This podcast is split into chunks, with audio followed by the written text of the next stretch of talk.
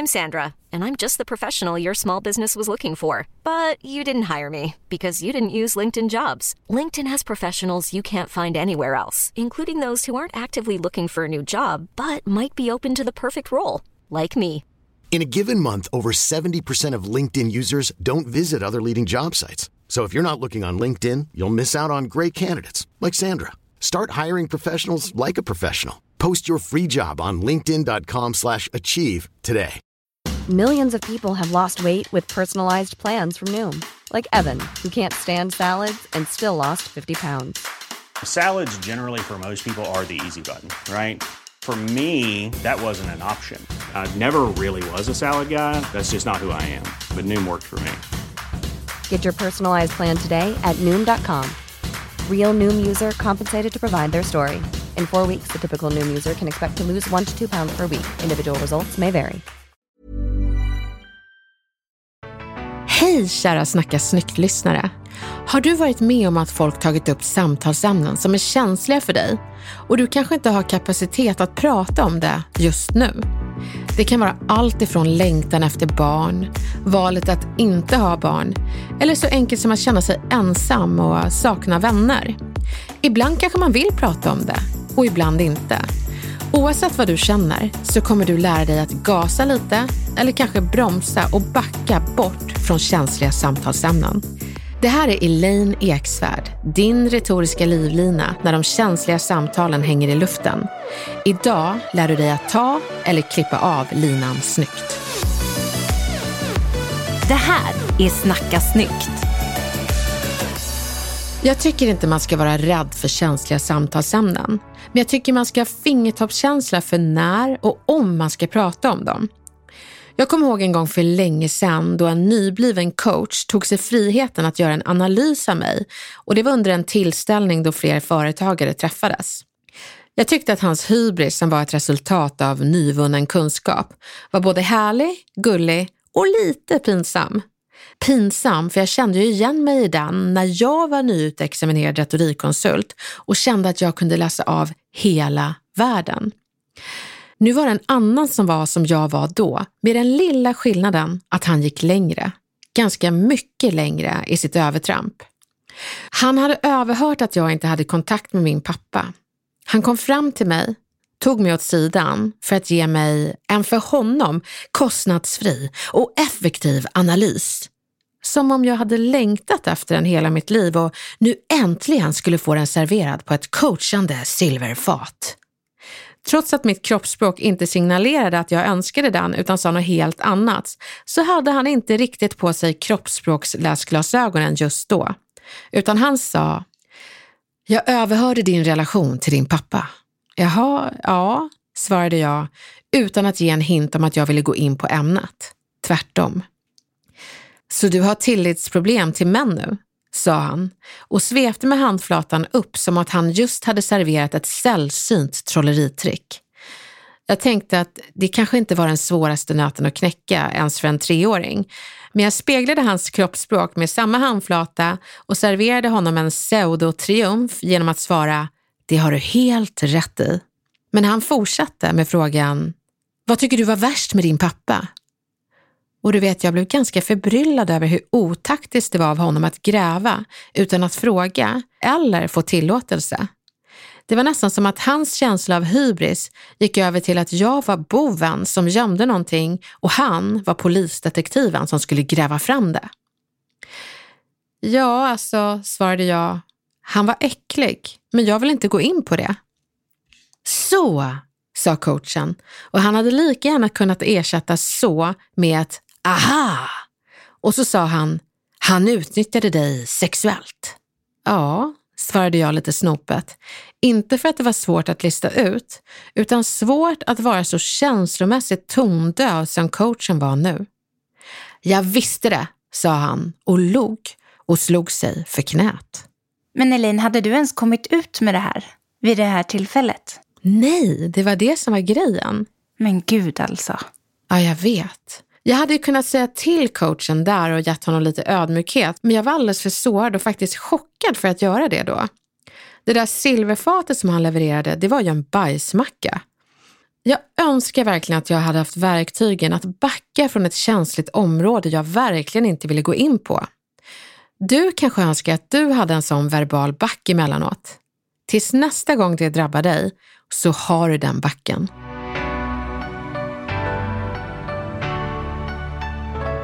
Alla har olika samtalsområden som av livets skeden är mer eller mindre känsliga. Det betyder ju inte att folk omkring en förstår det eller ens är medvetna om att du bär på något tungt just nu. Och det spelar faktiskt ingen roll om det är en okänd vän eller kanske familjemedlem. Oavsett vem det är som gasar in lite fort på känsliga områden så finns det bra meningar du kan ha som verbal back från samtal som inte känns bra för dig just nu. Säg. Vet du, jag känner mig inte bekväm att prata om det här. Och till okända personer kan du säga det här är saker jag brukar prata om med min psykolog, inte med personer jag inte känner. Till vänner kan du säga jag orkar inte prata om det här just nu. Och ja, man kan ju lägga till, jag vet att du verkligen bryr dig och menar väl och jag uppskattar dig, men jag, jag orkar inte prata om det här just nu. Så man kan lägga till hur man värderar personen för att för annars kan de gasa ännu mer och få det handla om att deras värde som vänner eller familjemedlemmar istället för att vad det egentligen handlar om, din dagsform och icke-förmåga att gå in på det här just nu. Så du kan säkra lite mer genom att värdera personen att jag, jag, jag känner att jag kan prata med dig om allt, men idag känner jag att jag inte orkar prata om allt. Så det är lite ett sätt att säga, det är inte du, det är verkligen jag. Det är inte ditt värde som kompis, det är mitt känsloläge som människa. Och det spelar ingen roll om det är en kompis, syster eller okänd. Det handlar om att dra fokus från personen till ditt känsloläge.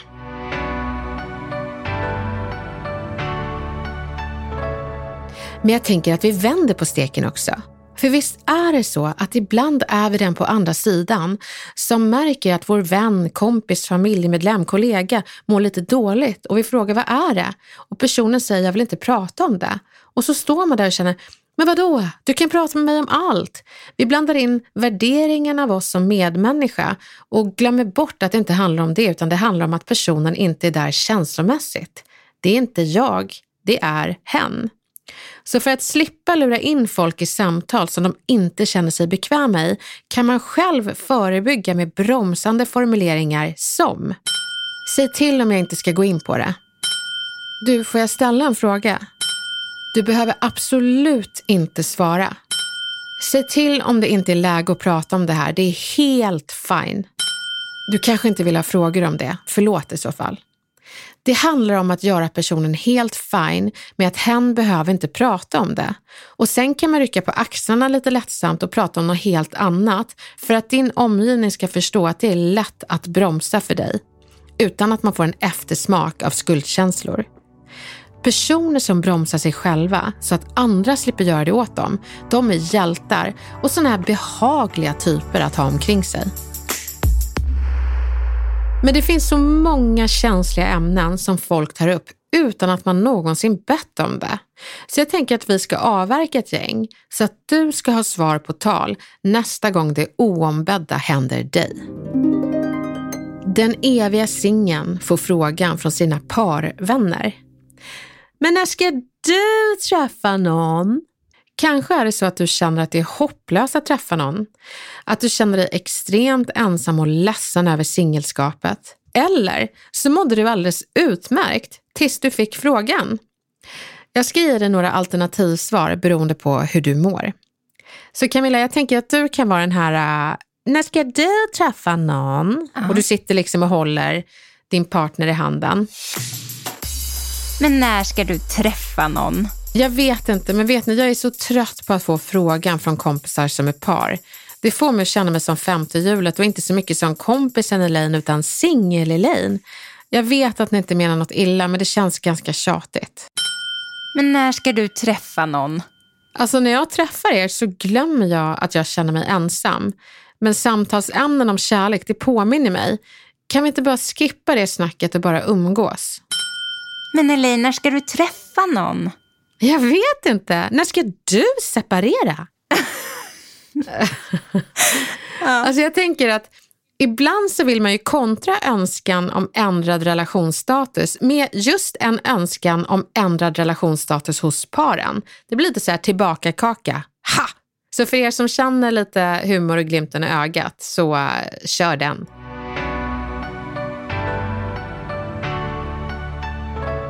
Vi går vidare mm. till det barnfria paret som får frågan från familjen Annorlunda. Camilla? Men är ni inte sugna på barn? None of your fucking business, kanske man tänker. Men ler istället stelt beroende på vad som gör frågan känslig. Kanske försöker ni få barn. Kanske vill ni inte ha barn. Kanske känner ni att den frågan skapar en stress som dödar den potentiella barnlängtan som ännu inte har kommit. Så vad ska man säga? Vi testar Camilla. Ställ frågan igen. Men när ska ni skaffa barn? Alltså det är inte bara att skaffa barn, det ska ju gå också. Och det känns som en väldigt rättfram fråga för något som kan vara en väldigt privat kamp. Oj, vad då? Försöker ni? Alltså återigen, det känns som en ganska rättfram fråga för något som kan vara en privat kamp. Jag vill inte prata om det. Men när ska ni skaffa barn? Alltså jag vet att det är en glädjefråga och att du inte menar något illa, men det är nog bra att vara försiktig med sådana frågor. Men när ska ni skaffa barn? Men när ska ni sluta göra barn? Tillbaka kaka. Ha! Ja. kan vi inte bara sluta fråga folk när de ska ha barn och också sluta säga meningen barn är meningen med livet. Inför folk som inte har eller kanske inte kan få barn. Det är som att säga att du kommer aldrig hitta meningen med livet. Och jag är säker på att det inte är det du menar. Så undvik bara barn i meningen med livet. Det finns många meningar med livet. Alla kan hitta sin.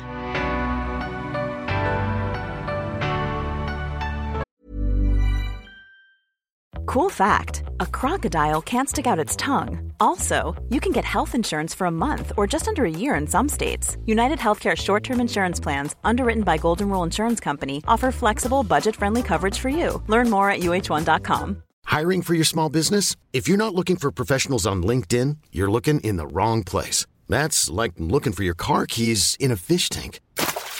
LinkedIn helps you hire professionals you can't find anywhere else, even those who aren't actively searching for a new job but might be open to the perfect role. In a given month, over 70% of LinkedIn users don't even visit other leading job sites. So start looking in the right place. With LinkedIn, you can hire professionals like a professional. Post your free job on linkedin.com slash achieve today.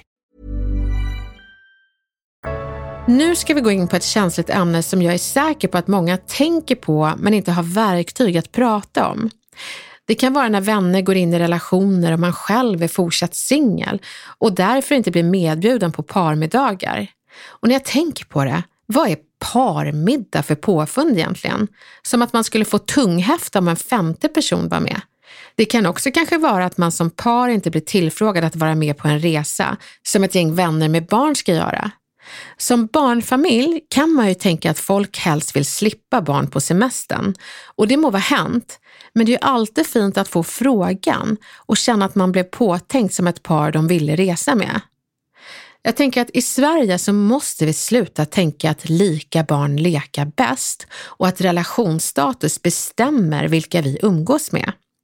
Det är lika bisarrt som att välja kompisar i barndomen efter huruvida de har en storebror eller kanske en lilla syster, är ensambarn eller har massor av syskon, har en pappa och en mamma eller två mammor. Barn skiter i allt sånt fluff. De leker med kompisar de tycker om att leka med. Och det är exakt på de premisserna vi borde hänga med folk. Inte relation, par eller barnstatus, utan kompisstatus. Vi har mycket att lära av barnen. Och om du blir exkluderad, våga säga det att jag har märkt att sedan du träffade Simon så har jag inte varit hemma hos dig en endaste gång, varken på middag eller på ett glas vin. Och du har inte haft möjlighet att komma hem till mig heller.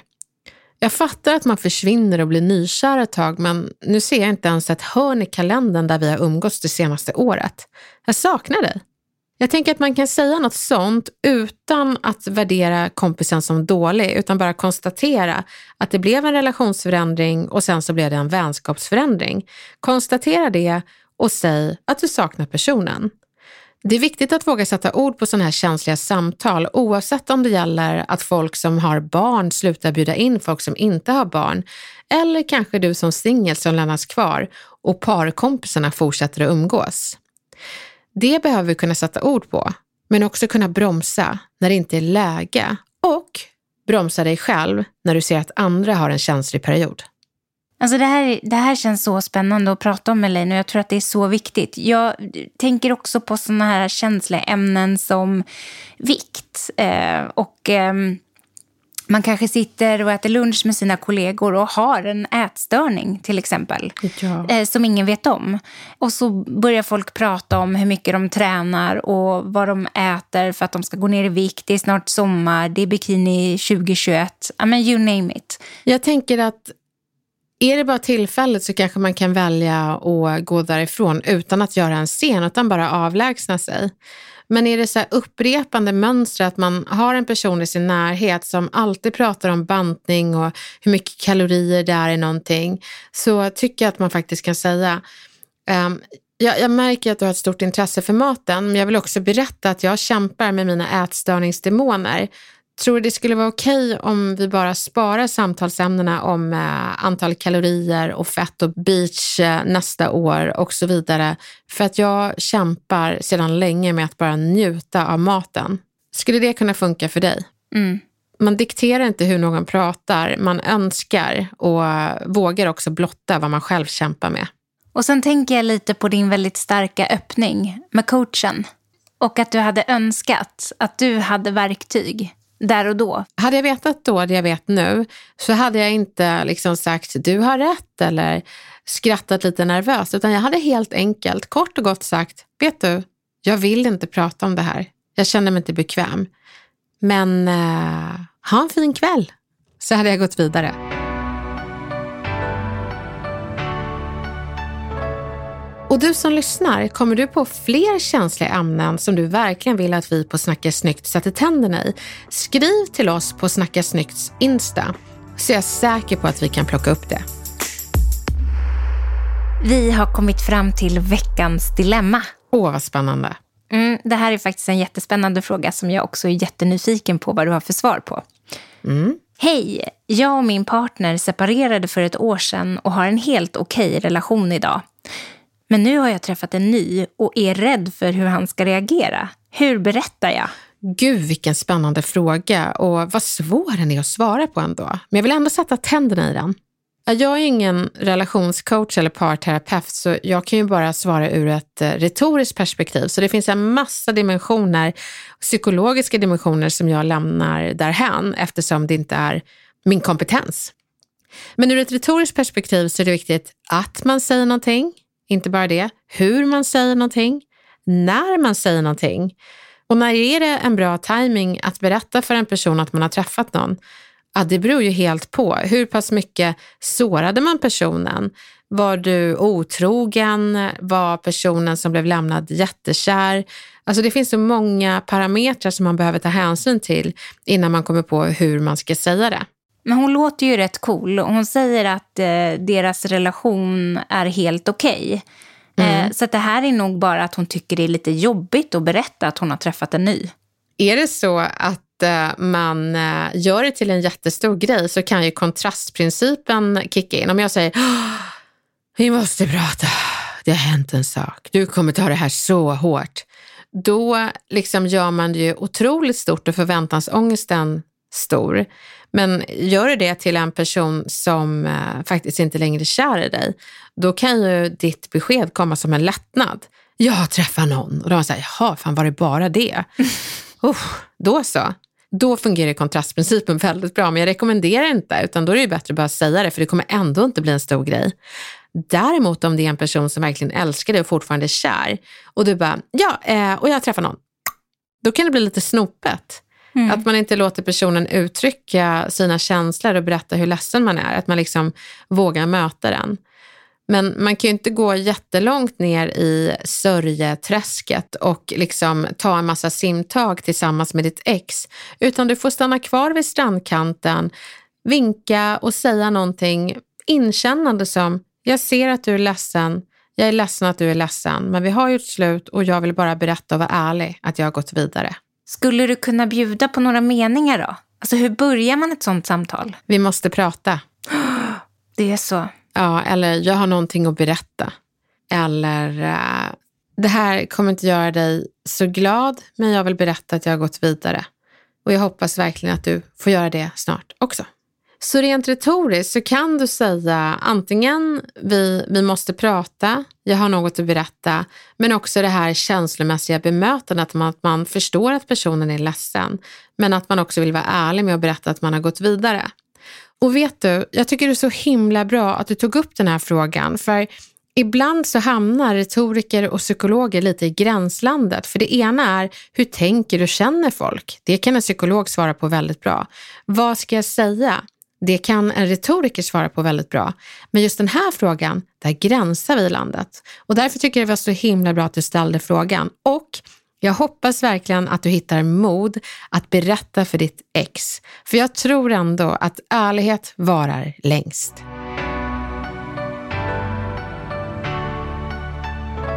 Tillbaka till att bromsa, gasa och faktiskt våga prata om det känsliga. Snyggt! Jag tror generellt att folk skulle vara mer försiktiga och hänsynsfulla om vi bara vågade berätta vad som var känsligt för oss på ett tidigt stadie. Ibland kanske vi inte har kommit på det själva, men när du gör det, så våga flagga för att du känner så. Säg att det ska bli så kul att träffa er, jag längtar. Går det så skulle jag gärna slippa frågor om när jag ska träffa någon. Inte för att jag tror att ni skulle ställa en sån fråga, men för att det ofta händer mig och jag ser fram emot att slippa det med er. Vet du, det kommer gå bra och du kommer känna dig bekväm med att backa, bromsa och ibland köra försiktigt in i känsliga samtal när du är redo för dem. Lycka till! Snacka snyggt produceras av Camilla Samek. Jonas Sjöberg står för mixen och jag, Elaine Eksvärd, är så glad för att du lyssnar. Vi hörs snart igen.